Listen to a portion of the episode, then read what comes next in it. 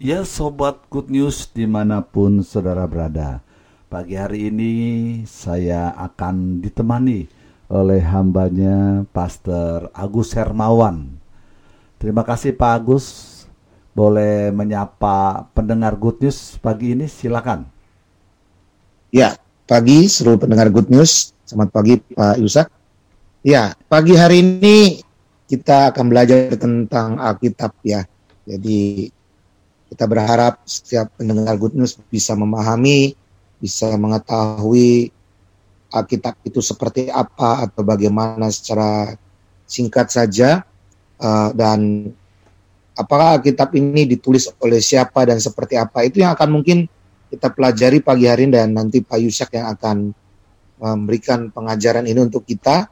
Yeah. Saya berharap setiap pendengar Good News bisa memahaminya dan mulai yakin dan percaya bahwa memang Alkitab adalah firman Allah. Amin. Seperti itu mungkin Pak ya. pagi ya. hari ini ya. Ya, terima kasih Pak Agus. Ya, memang kita bersyukur ya di tengah-tengah situasi seperti ini nah, ternyata Tuhan kasih peluang kepada kita untuk memanfaatkan teknologi untuk justru uh, menambah wawasan, menambah pengetahuan khususnya anak-anak Tuhan sekalipun kita tidak bisa bertemu di gedung gereja, tapi kita bisa mendengarkan pengajaran-pengajaran secara online. Nah, itu saja ya Pak Agus ya. Terima kasih Pak Agus. Hari ini kita akan langsung mulai saja ya sobat pendengar. Nanti Pak Agus akan menyimak seluruh uh, apa yang saya siarkan dan beliau nanti akan memandu uh, tanya jawab dengan saya dan biarlah tanya jawab itu akan menolong saudara sehingga bisa memiliki pengetahuan yang lebih baik. Nah, sesuatu yang tidak asing di telinga kita uh, kata Bible, Bible. Seringkali orang dulu ya Pak Agus uh, kalau ke gereja bilang udah bawa Bible belum ya? Bible yeah. itu seperti sudah pakai sudah seperti bahasa Indonesia ya. Betul ya Pak Agus ya Bible ya, oh, ya. padahal apalagi orang tua tua dulu ya. Ya ya ya ya. Padahal Bible itu sebenarnya berasal dari bahasa Latin ya dan bahasa Yunani yang berarti kitab ya. Nama yang pantas memang untuk uh, Bible yaitu kitab karena uh, apa ya saat saat uh, mulai munculnya kitab itu sendiri yang kemudian dibilang Bible atau Alkitab itu adalah sebuah kitab yang sampai saat ini saudaraku itu dapat disebutkan sebagai buku bestseller Pak Agus. Ya. ya, terlaris seluruh dunia ya. Betul, betul sebagai buku yang terlaris. Uh, saya membaca sebuah artikel ya Pak Agus di dalam sebuah uh, apa tulisan di media online dari Kompasiana. Dia tulis begini Pak Agus. Buku apa yang paling laris dalam sejarah umat manusia? Ternyata Alkitab. Kenapa? Karena Alkitab itu sudah diterjemahkan dalam hampir seluruh bahasa dan bahasa suku di dunia ini sehingga buku ini paling banyak dicetak sepanjang sejarah dunia dan dia mengalahkan buku-buku lainnya.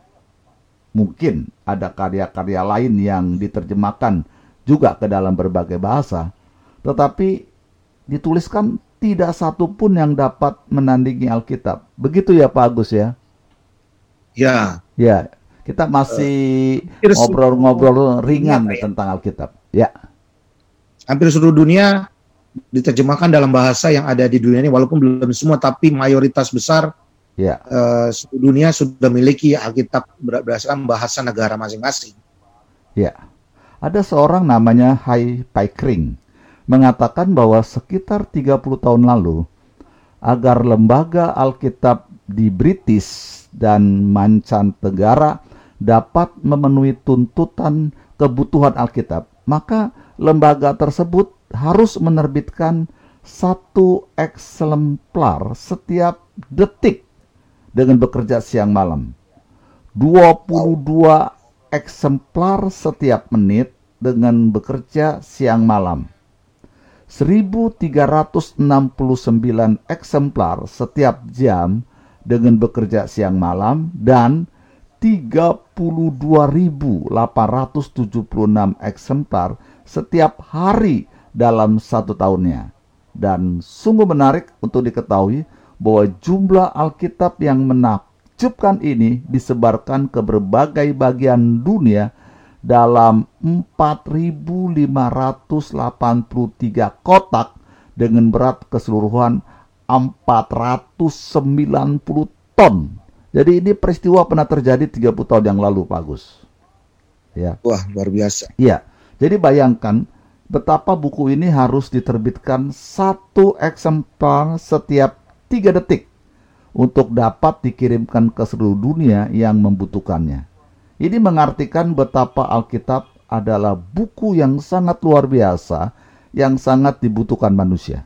Buku yang unik juga uh, buku ini juga unik karena tidak hanya ditulis dalam bahasa aslinya yaitu bahasa Ibrani kuno dan bahasa Yunani serta bahasa Aram, tetapi juga ditulis dalam berbagai bahasa yang dikenal oleh seluruh penduduk dunia ini sehingga dapat dimengerti langsung oleh berbagai kalangan orang, suku, dan kalangan.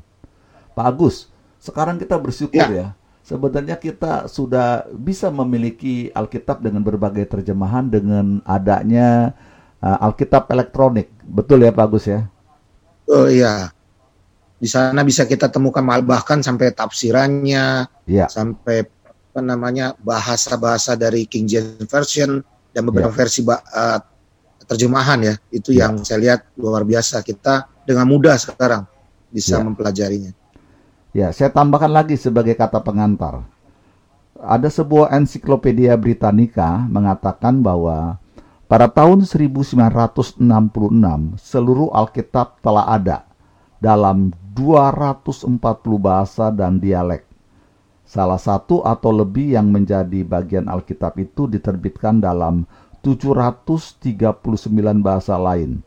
Sehingga jumlah penerbitannya ada dalam 1280 bahasa. Tentu saja sampai detik ini sudah pakis pasti semakin bertambah ya Pak Agus setiap pasti pasti ya semakin semakin banyak diterjemahkan dan dialih bahasakan dalam lebih banyak bahasa lagi.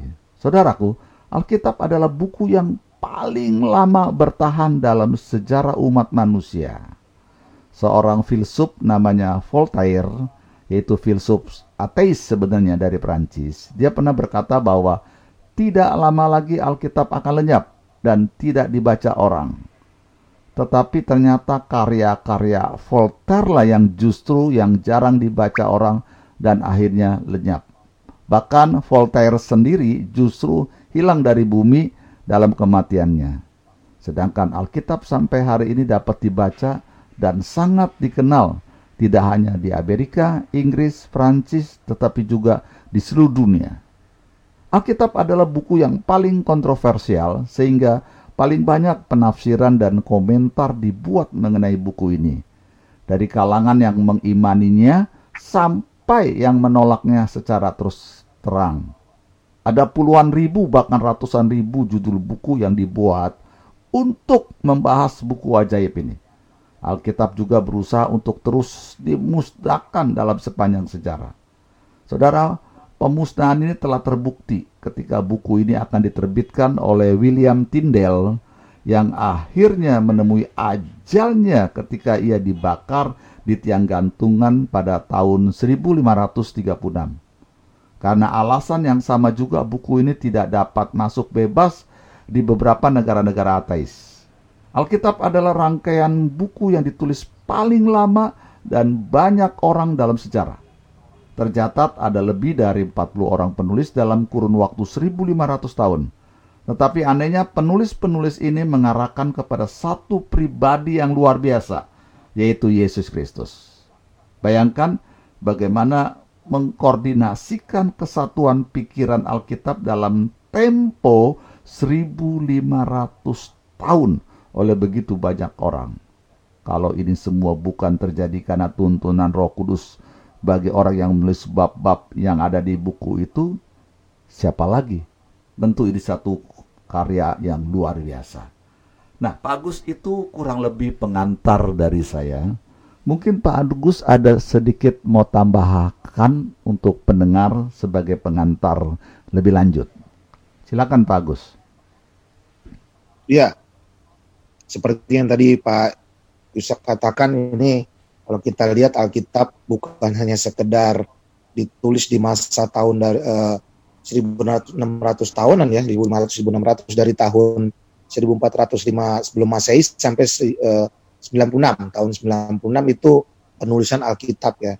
ya. Dan yang saya tahu luar biasanya bahwa itu ditulis lebih dari 40 penulis Alkitab yang berlatar latar belakang berbeda-beda itu ya Pak Yusak ya, ya betul, saya. Betul, ada filsuf, betul. ada raja, ada tabib dan lain-lain. Nah, uh, ini yang yang Pak Yusak tadi bilang luar biasanya mereka ada dalam satu kesatuan yang yang luar biasa pada saat mereka menulis memiliki satu tujuan yang yang sepertinya sama gitu ya, mengarah kepada satu tujuan sama itu satu pribadi yang sama ya. yaitu Kristus. Seperti itu ya Pak Yusak. Ya, betul, mungkin? betul, betul. Kita masih dalam uh, obrolan uh, sedikit kata-kata pembukaan ya Pak Agus. Jadi ya. Alkitab ya. itu ada 66 kitab di dalamnya. 66 kitab yang berbeda tapi membentuk satu Alkitab. Coba kita lihat di dalamnya ada kitab Taurat misalnya seperti Imamat dan Ulangan. Ada kitab-kitab yang sifatnya sejarah seperti di perjanjian lama itu Esra, dalam perjanjian baru kisah para rasul. Itu adalah kitab-kitab yang menulis sejarah-sejarah. Ada kitab-kitab berisi puisi seperti Mazmur dan Pengkhotbah. Ada kitab-kitab yang bersifat nubuat seperti Yesaya dan Wahyu. Ada kitab-kitab yang berisi, berisi biografi seperti Matius, Yohanes, dan ada kitab-kitab yang pada awalnya adalah surat-surat seperti surat-surat Rasul Paulus ya saudaraku, seperti Titus, Ibrani dan seterusnya dan seterusnya. Jadi kita melihat kurang lebih saat itu seperti tadi saya katakan Pak Agus, kurang ya. lebih ya, memang ini kurang lebih karena ada beberapa penulis yang masih uh, terus diperbincangkan sampai sekarang ini. Tapi kurang lebih ada 40 orang yang menjadi penulis Alkitab. Dan itu dikatakan tadi 40 orang kurang lebih ya, kurang lebih 4 orang penulis itu itu uh, mereka menulis dalam kurun waktu artinya uh, sejak awal sampai akhir yang menulis itu itu periodenya 1500 tahun bagus. Bayangin ya. ya. Jadi mereka hidup dalam periode yang berbeda ya 1500 tahun. Dan tadi Pak Agus bilang benar para penulis ini itu profesinya beda-beda. Penulis ini ada yang raja, ada yang nelayan saja, ada imam, ada pejabat pemerintah, petani, gembala, dan dokter. Dan luar biasanya, kita sedikit mengulang nih tentang betapa dahsyatnya, uniknya kitab ini. Dari keanekaragaman ini, yaitu penulisnya uh, kurang lebih 40 dalam kurun waktu 1500, profesi yang berbeda dalam keanekaragaman ini yang luar biasa luar biasanya mereka tidak pernah kompromi, tidak pernah bertemu jelas karena mereka hidup di zaman yang berbeda. Tetapi muncul satu kesatuan yang luar biasa, yaitu dengan tema yang uh, kita kenal, ya, tema umum yang dianyam dalam keseruan kitab. Tentu saja kita tahu nanti itu mengarah kepada Tuhan kita Yesus Kristus. Ya, kesatuan Alkitab ini adalah karena pada dasarnya bagus. Jadi ya. kalau kita melihat keunikan dari bagaimana mungkin penulis yang beraneka ragam, hidup dalam zaman yang berbeda-beda, profesi, latar belakang, status yang berbeda, tapi pada akhirnya ada satu kesatuan topik mengarah kepada juru selamat kita itu. Ini menandakan kepada kita atau menyiratkan kepada kita kesatuan Alkitab itu pada dasarnya lah ditulis oleh satu penulis sebenarnya. Pada dasarnya Alkitab itu hanya memiliki satu penulis. Siapa itu? Yaitu Allah sendiri. Alkitab dituliskan oleh 2 Timotius pasal 3:16 itu dinafaskan, diilhamkan oleh Allah kata Alkitab. Ya, memang manusia selaku penulis mereka menuliskan secara tepat apa yang Allah ingin mereka tuliskan. Dan hasilnya adalah firman Allah yang suci, firman Allah yang sempurna, tidak ada salah. Saudaraku, inilah keyakinan kita di atas uh, kebenaran firman Allah bahwa dari proses kejadiannya sampai saat ini kita melihat sekalipun ada begitu banyak usaha untuk memusnahkannya. Tetapi Alkitab masih tetap bertahan dan menjadi buku yang terlaris. Jangan pernah lupa dia disukai, tapi juga luar biasanya dia tidak disukai. Begitu ya Pak Agus? Ya, seperti tadi Pak Yusak bilang juga di 2 Petrus 1 ayat 21, ya. sebab tidak pernah nubuatan dihasilkan oleh kehendak manusia, tetapi oleh dorongan roh kudus, orang-orang berbicara atas nama Allah. Ya. Jadi saya sangat setuju seperti Pak Yusak tadi katakan bahwa memang Alkitab ini sangat-sangat luar biasa ya. Eh, dan memang betul diilham, uh, ditulis oleh satu pribadi yang luar biasa itu Allah sendiri ya. Seperti itu mungkin ya Pak Yusuf ya, luar ya. biasa Alkitab kita ini. Nah, sebelum nanti kita rehat ya kita akan coba bagi dalam dua sesi saja. Saudaraku, pada umumnya yang kita kenal Alkitab itu dibagi dalam dua bagian utama ya hanya dibagi dalam dua bagian utama. Kita kenal itu dengan istilah perjanjian lama dan perjanjian baru. Ya. Secara ringkas, perjanjian lama ini saudara uh, catat saja karena ini simple ya. Uh, saya lupa Rabu beberapa Rabu yang lalu, eh maafkan saya, Jumat dua Jumat yang lalu kita belajar tentang doktrin Alkitab dan itu sangat mendetail sekali. Nah, saya sampaikan hal-hal yang praktis hari ini. Saudaraku, perjanjian lama uh, itu adalah menggambarkan atau perjanjian lama itu adalah kisah mengenai suatu bangsa. Ya. Jadi kalau saudara baca kitab-kitab dalam perjanjian lama, ya kejadian sampai Maliahi, itu adalah secara garis besar umumnya adalah berbicara tentang suatu bangsa. Sedangkan perjanjian baru adalah cerita mengenai seorang manusia. Ya, menarik sekali. Di perjanjian lama ada kisah-kisah tentang uh, bangsa-bangsa dan akhirnya mengarah kepada satu bangsa yaitu bangsa Israel dan di dalam perjanjian baru itu adalah kisah tentang satu manusia dan manusia itu tentu saja kita tahu adalah Tuhan kita Yesus Kristus. Bangsa itulah yang dicatat di dalam perjanjian lama.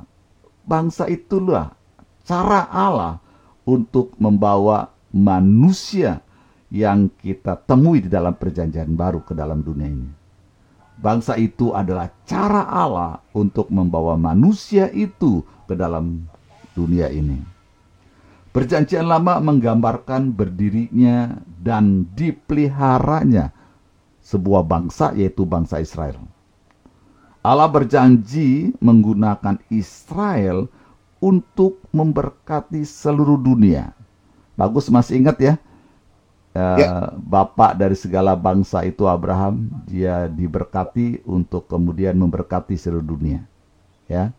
Dan saudaraku, Begitu Israel menjadi suatu bangsa, Allah membangkitkan satu keluarga dalam bangsa itu yang melaluinya berkat akan datang. Saudaraku, siapa itu? Keluarga Daud dalam Mazmur pasal 89 ayat 3 dan 4. Sebab kemudian dari keluarga Daud inilah dijanjikan seorang manusia yang akan membawa berkat yang dijanjikan itu. Dalam Yesaya pasal 11 ayat 1 sampai 10. Perjanjian baru seterusnya merinci tentang datangnya manusia yang dijanjikan itu. Dan tadi saya sudah sebutkan namanya adalah Yesus. Dan dia menggenapi nubuat-nubuat perjanjian lama saat dia menghidupi hidup yang tak berdosa dan mati kemudian menjadi juru selamat. Tapi puji Tuhan, kemudian kita melihat juga perjanjian baru menulis dia yang mati untuk menjadi juru selamat, tapi dia juga bangkit dari antara orang mati. Nah, itulah kesinambungan perjanjian lama dan perjanjian baru. Mungkin Pak Agus bisa kasih kesimpulan atau tambahan dari apa yang saya katakan tadi. Silakan Pak Agus. Ya, ya. Pembagian-pembagian itu yang yang saya tahu awalnya kan satu ya Pak Yusak lalu ya. uh, dibagi ya seperti itu ada perjanjian baru perjanjian lama yang seperti Pak Yusak tadi bilang itu mulai uh, menceritakan perjanjian lama itu lebih kepada pengenalan bangsa, penciptaan pengenalan bangsa lalu satu bangsa yang dipilih. Yeah. Yang perjanjian baru lebih kepada satu pribadi yang yang akhirnya kita tahu bahwa itu adalah Kristus sendiri yang sebagai juru selamat. Ada keterkaitan antara kedua eh, apa namanya perjanjian baru dan perjanjian lama ini yang yeah, sebenarnya betul. mengarah kepada satu pribadi yaitu Kristus saja yeah. sebenarnya kan. Mengarah satu pribadi yang uh, ditulis dalam Alkitab sebenarnya hanya berfokus kepada Kristus satu pribadi yang Betul. mau disampaikan kepadanya sebagai juru selamat. Iya, itu Ini gambar garis garis gitu ya. garis besarnya ya Pak Agus ya, ringkas sekali. Jadi sangat mudah untuk memahami apa itu Alkitab ya. Saudaraku kita Betul. break sebentar, ada sebuah lagu Kurindu Sabdamu, Kurindu Firmanmu. Selamat mendengarkan.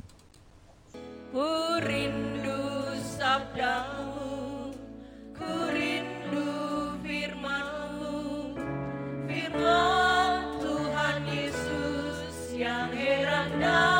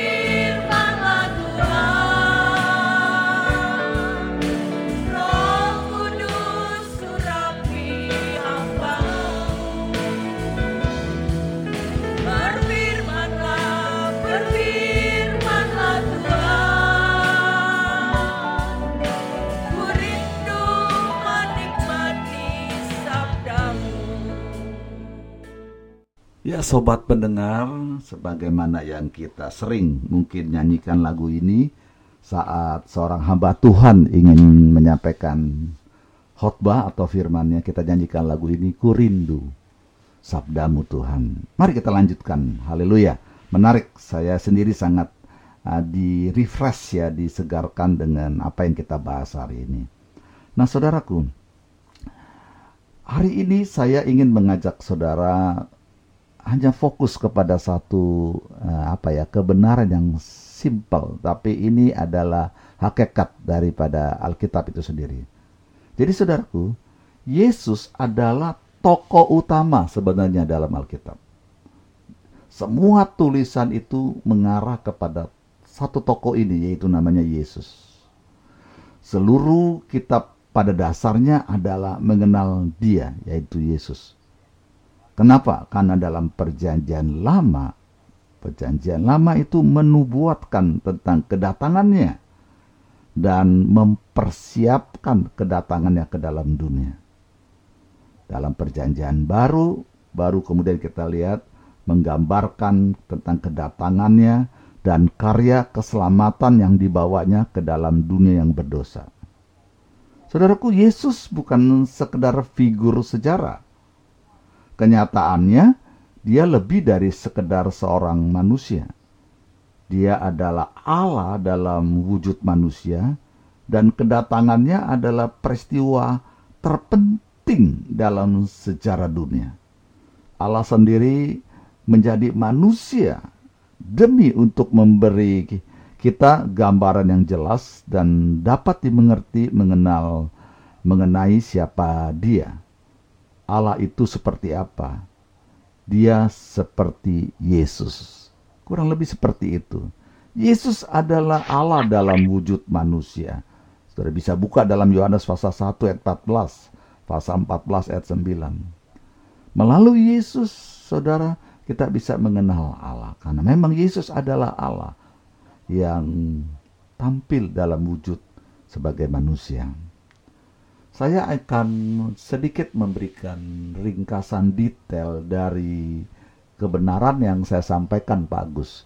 Jadi ya. secara garis besar perjanjian lama itu menceritakan tentang sebuah bangsa yang akhirnya mengarah kepada bangsa Israel. Dari bangsa Israel itu itu mengarah kepada sebuah keluarga yaitu keluarga Daud dan akhirnya dari keluarga itu mengarah kepada satu manusia yang namanya Yesus. Sebenarnya itulah isi daripada Alkitab. Nah, saya akan coba mendetailkan sedikit saja tentang kebenaran ini. Nah, saudaraku, mari kita coba uh, dengarkan paparan yang sederhana yang saya mau sampaikan pagi ini. Allah menciptakan manusia dan menempatkannya pada awalnya dalam lingkungan yang sempurna di Taman Eden. Namun kita lihat manusia kemudian berontak. Manusia ini memberontak melawan Allah dan jatuh dari apa yang diinginkan Allah. Kemudian Allah menempatkan dunia di bawah kutuk karena dosa. Namun segera dia menjalankan rencananya untuk memulihkan manusia dan segala ciptaan pada kemuliaan sebelumnya. Saudara bisa baca ya dalam kitab kejadian. Itulah uh, sejarah awal dari kitab yang kita baca. Saya ulang sekali lagi, Allah sebenarnya telah menciptakan manusia dalam lingkungan yang sempurna. Tapi karena manusia itu memberontak melawan Allah, jatuh dalam dosa, akhirnya dunia ini hidup di bawah kutuk dan Tuhan segera membuat rencana untuk memulihkan kondisi ini supaya kembali kepada maksud rencana semula. Nah, sebagai bagian dari rencana penebusannya inilah Allah kemudian memanggil Abraham keluar dari Babelonia menuju Kanaan dan itu terjadi sekitar tahun 2000 sebelum Masehi. Allah berjanji kepada Abraham, anaknya Ishak dan cucunya Yakub, yang kemudian juga disebut Israel, bahwa Dia Allah akan memberkati dunia melalui seorang keturunan mereka. Keluarga Israel pindah dari Kanaan kemudian ke Mesir, di mana mereka kemudian bertumbuh menjadi sebuah bangsa.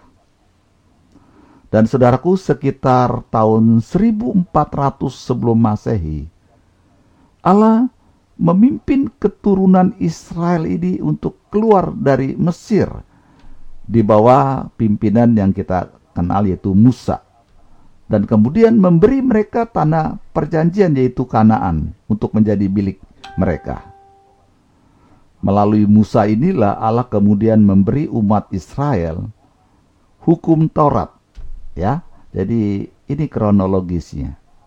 Sebelum saya terusin, saya teringat tiba-tiba saudaraku, kalau saudara mengikuti program mendengar firman 365 hari yang ada di podcast yang mungkin sudah terima linknya setiap hari. Saudaraku, pendengaran atau mendengar firman Tuhan yang dibuat itu berdasarkan kronologis peristiwa.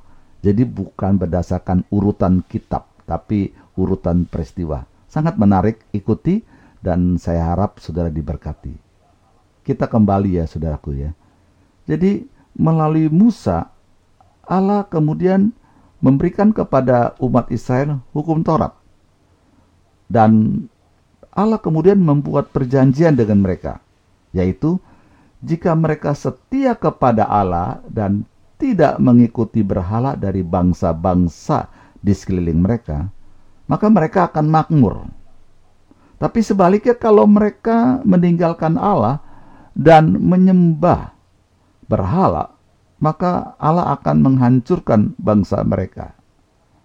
Itu yang kita lihat dalam kronologis cerita dari kejadian sampai bangsa Israel menuju uh, negeri perjanjian. Sejak Tuhan mempersiapkan sebuah keluarga uh, dalam hal ini Abraham di tahun 2000 sampai tahun 1400 sebelum Masehi mereka keluar dari Mesir.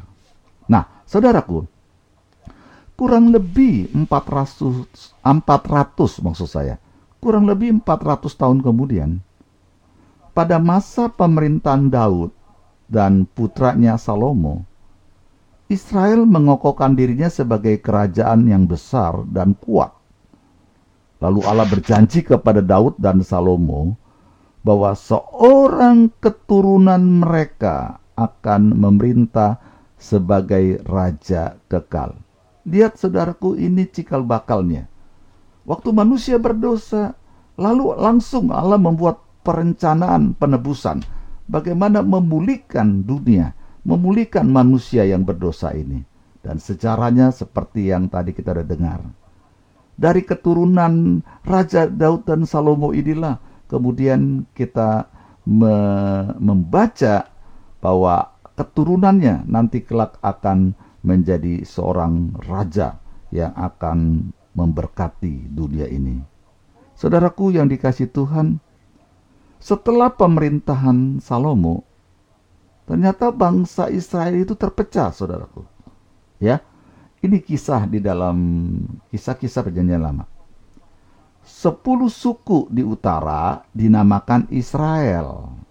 Dan mereka bertahan kurang lebih 200 tahun sebelum kemudian Allah menghakimi mereka karena mereka kemudian juga melakukan penyembahan berhala.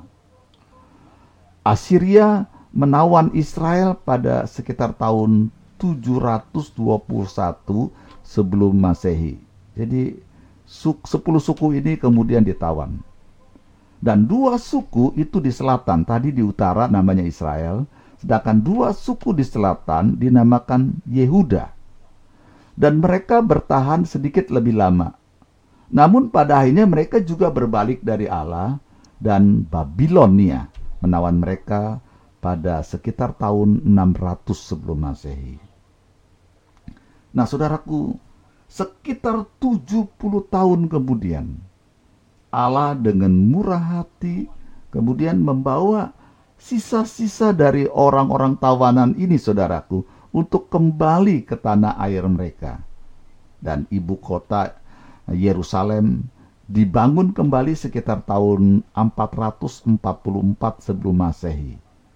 Dan Israel sekali lagi untuk waktu itu mereka memperoleh identitas nasional mereka. Demikianlah perjanjian lama berakhir sampai di kisah itu.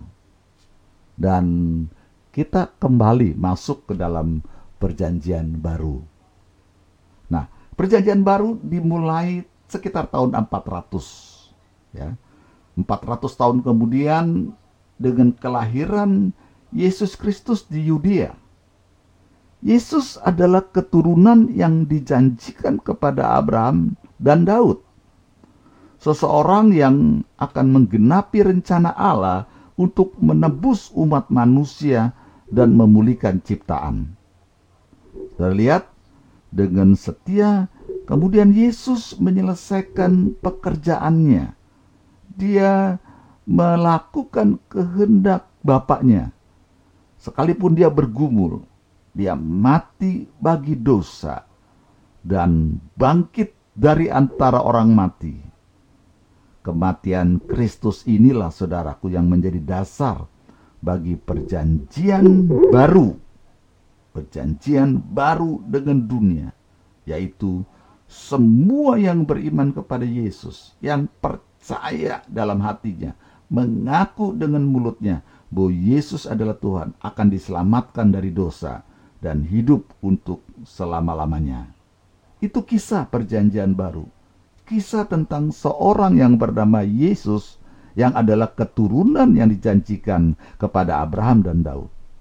Nah, saudaraku, setelah kebangkitannya itu, Yesus kemudian mengutus para murid-muridnya untuk memberitakan kabar baik mengenai hidup dan kuasanya yang akan menyelamatkan. Kita lihat murid-murid Yesus kemudian pergi ke seluruh dunia menyebarkan good news, yaitu kabar baik mengenai Yesus tentang keselamatan. Mereka mulai menjelajahi Asia Kecil, Yunani, dan seluruh kekaisaran Romawi. Dan tentu saja perjanjian baru kemudian diakhiri dengan nubuat mengenai kembalinya Yesus untuk menghakimi dunia yang tidak percaya dan membebaskan ciptaannya dari dosa. Demikianlah kisah perjanjian baru. Jadi saudaraku, saya sudah menyampaikan ringkasan kronologis apa sebenarnya isi Alkitab itu. Kira-kira demikian Pak Agus. Mungkin Pak Agus boleh sedikit memberikan uh, kesimpulan atau tambahan. Terima kasih. Silakan Pak Agus. Ya, luar biasa kalau kita perhatikan bagaimana sejarah kita bisa belajar sejarah dari perjanjian lama tentang bagaimana Tuhan ingin menyelamatkan umat manusia dengan berbagai cara uh, dan akhirnya tertuju kepada satu pribadi dan digenapi ya. ya. Saya percaya bahwa Alkitab dari awal sudah menyatakan Kristus karena penggenapan itu terjadi di perjanjian baru seperti Pak Cak tadi katakan bahwa Yesus sebagai juru selamat untuk dunia yang Tuhan telah persiapkan dari awal. Itu yang luar biasa. Dan Tuhan membuatnya dalam satu gambaran sejarah yang sampai hari ini, yang kita sebut Alkitab ini, kita bisa belajar dari sana, kita bisa mengetahui bagaimana Allah begitu mencintai manusia dan dunia ini sehingga dia membuat Alkitab agar kita mengetahui bahkan detail sekali Alkitab menceritakan tentang hal ini dari satu bangsa uh, yang dipilih lalu uh, satu keluarga seperti Nuh lalu kepada Kristus sampai akhirnya ini gambaran yang luar biasa yang yang kita bisa belajar bagaimana Allah betul-betul sangat ingin manusia mengetahui bahwa Allah sangat mencintai manusia, Allah sangat begitu menghargai manusia sehingga ingin menyelamatkan manusia ciptaannya itu yang serupa segambar dengan dia. Itu yeah. yang saya tangkap dari kebenaran firman Tuhan yang Pak Yusak tadi sampaikan begitu luar biasa sejarah ceritanya itu. Tapi intinya yang kita harus pahami bahwa Alkitab menjadi satu kitab yang luar biasa yang tidak pernah habis dimakan oleh waktu dan terus bisa kita bagikan ke keturunan kita selanjutnya anak cucu kita bagaimana gambaran Tuhan yang begitu mencintai manusia. Ya. Itu mungkin Om ya yang saya bisa ya. tambahkan sedikit. Iya, iya. Terima kasih. Ajaran kita hari ini. Iya, terima kasih saudaraku. Jadi saya hanya bermaksud hari ini kepada sobat Good News yang sedang mendengarkan siaran kami ya sedikit mengenal apa itu Alkitab. Apa sih kitab yang namanya Bible itu ya. Itulah kurang lebih uh, histori sejarah dari Alkitab dan isinya. Nah, kalau saudara misalnya mau lebih mendalam tentu saja ikuti terus acara Koma ini. Koma adalah komunitas obrolan memahami Alkitab. Ya, ada banyak topik-topik. Misalnya kalau tidak ada halangan, uh, Kamis depan saya akan membahas apakah Alkitab itu benar-benar Firman Tuhan. Ya, itu satu obrolan. Lalu nanti kita ngobrol lagi. Apakah Alkitab mengandung kesalahan, kontradiksi, ketidakcocokan, dan sebagainya? Bisa juga kita mungkin membahas apakah kita perlu membaca, mempelajari Alkitab. Apa artinya bahwa Alkitab diilhamkan? Dan tentu saja ada begitu banyak pertanyaan tentang Alkitab. Karena Alkitab memang sesuatu yang menarik. Nanti kira-kira begitu Pak Agus rencana saya ke depan. Ya. Kita akan membahas topik-topik pertanyaan tentang seputar Alkitab. Karena itu kita sebutnya komunitas obrolan memahami Alkitab. Terima kasih buat saudara yang mendengarkan. Seharusnya cukup menarik ya, Pak Iya. Ishak ya. Ya, ya. Seharusnya sangat-sangat menarik harusnya bagi jemaat untuk atau bagi pendengar Good News untuk bisa ikut terus eh, memahami betul-betul Alkitab yang kita selama ini baca. Jadi nggak sekedar cuman kita tahu itu sebagai kitab suci, tapi memahami betul Ya. bahwa gambaran dari kitab yang kita baca itu kita tahu betul gitu. Ya, kalau saudara pendengar misalnya ada mau mengajukan pertanyaan dan jika Tuhan berkenan, saya eh, bersedia untuk membahas dengan Pak Agus. Kirimkan eh, pertanyaan saudara atau usulan saudara untuk topik yang kami mau obrolkan ke WhatsApp saya 0818769161 atau kepada nomor HP Pak Agus. Bisa dikasih tahu Pak Agus? Boleh 0896 8212 9855. Ya. Ya, itu saudara bisa hubungi dua nomor telepon tersebut dan tulis saya di WhatsApp saudara, eh, bolehkah eh, Kamis berikutnya membahas topik ini misalnya ya. Saudaraku, saudara tolong beritahukan kepada teman-teman saudara yang lain, saudara-saudara seiman supaya mereka juga bisa mendengarkan obrolan-obrolan tentang Alkitab. Saya bersama Pak Agus kalau dalam kehendak Tuhan diberi kesehatan dan sebagainya, Kamis depan kita akan bahas apakah Alkitab adalah benar-benar firman Tuhan. Ini menarik karena memang tidak mudah untuk dipahami, tapi kita akan coba kupas apakah itu betul firman Tuhan, ya. Jadi saudaraku, memang saya punya tujuan membahasnya ah, sedikit-sedikit ya, sepotong-sepotong kalau supaya jangan terlalu berat. Demikian saudaraku, kita akan segera mengakhiri pertemuan kita hari ini. Pak Agus, Ya. Terima kasih. Kalau Pak Agus masih ada kata-kata penutup atau motivasi atau pengumuman, saya persilakan. Ya, sekali lagi mungkin uh, tidak ada yang kebetulan dalam kondisi seperti sekarang ini. Tuhan kasih kesempatan kita untuk tetap masih bisa belajar kebenaran firman Tuhan, tetap masih bisa mendengarkan firman Tuhan yang akan memberikan kekuatan kita, kepada kita. Melalui Good News ini saya berharap kita terus boleh mau bersama-sama meluangkan waktu saudara pagi maupun malam mungkin ke depan juga ada untuk kita terus mau belajar bersama-sama, untuk kita mau terus bertumbuh bersama-sama, walaupun situasinya sekarang ini tidak mengizinkan secara kita bertemu langsung, tapi saya percaya melalui uh, good news ini kita tetap masih bisa belajar dan bertumbuh di dalam Tuhan. Izinkan saudara memberikan waktu saudara, memaksakan waktu saudara untuk bisa terus mau bersama-sama melalui mendengarkan firman Tuhan, belajar bersama-sama firman Tuhan, saling menguatkan dalam obrolan-obrolan itu yang menurut saya men- menjadi hal yang paling positif dan paling bisa kita lakukan untuk sekarang ini. Iya, Itu saja Pak Yusak. ya. Ya, jadi saudaraku catat ya. Usahakan jangan telat untuk membuka saluran jam 7 sampai jam 8 saja. Dan kalau malam itu Rabu jam 7 malam sampai jam 9. Kalau hari Jumat sementara ini malam juga ada jam 6. Itu gabungan dengan wilayah 3. Demikian saudaraku sekali lagi terima kasih buat kebersamaan kita. Terima kasih Pastor Agus Hermawan yang sudah menemani Ya. saya. Sampai jumpa esok hari jam 7 dengan acara OKB. Kiranya Tuhan memberkati aktivitas saudara sepanjang hari ini dengan perlindungan dan pertolongan Tuhan. Semua cita-cita dan semua usaha saudara hari ini akan dibuat berhasil. Mari saudaraku kita akan tutup dan semua untuk kemuliaan bagi nama Tuhan.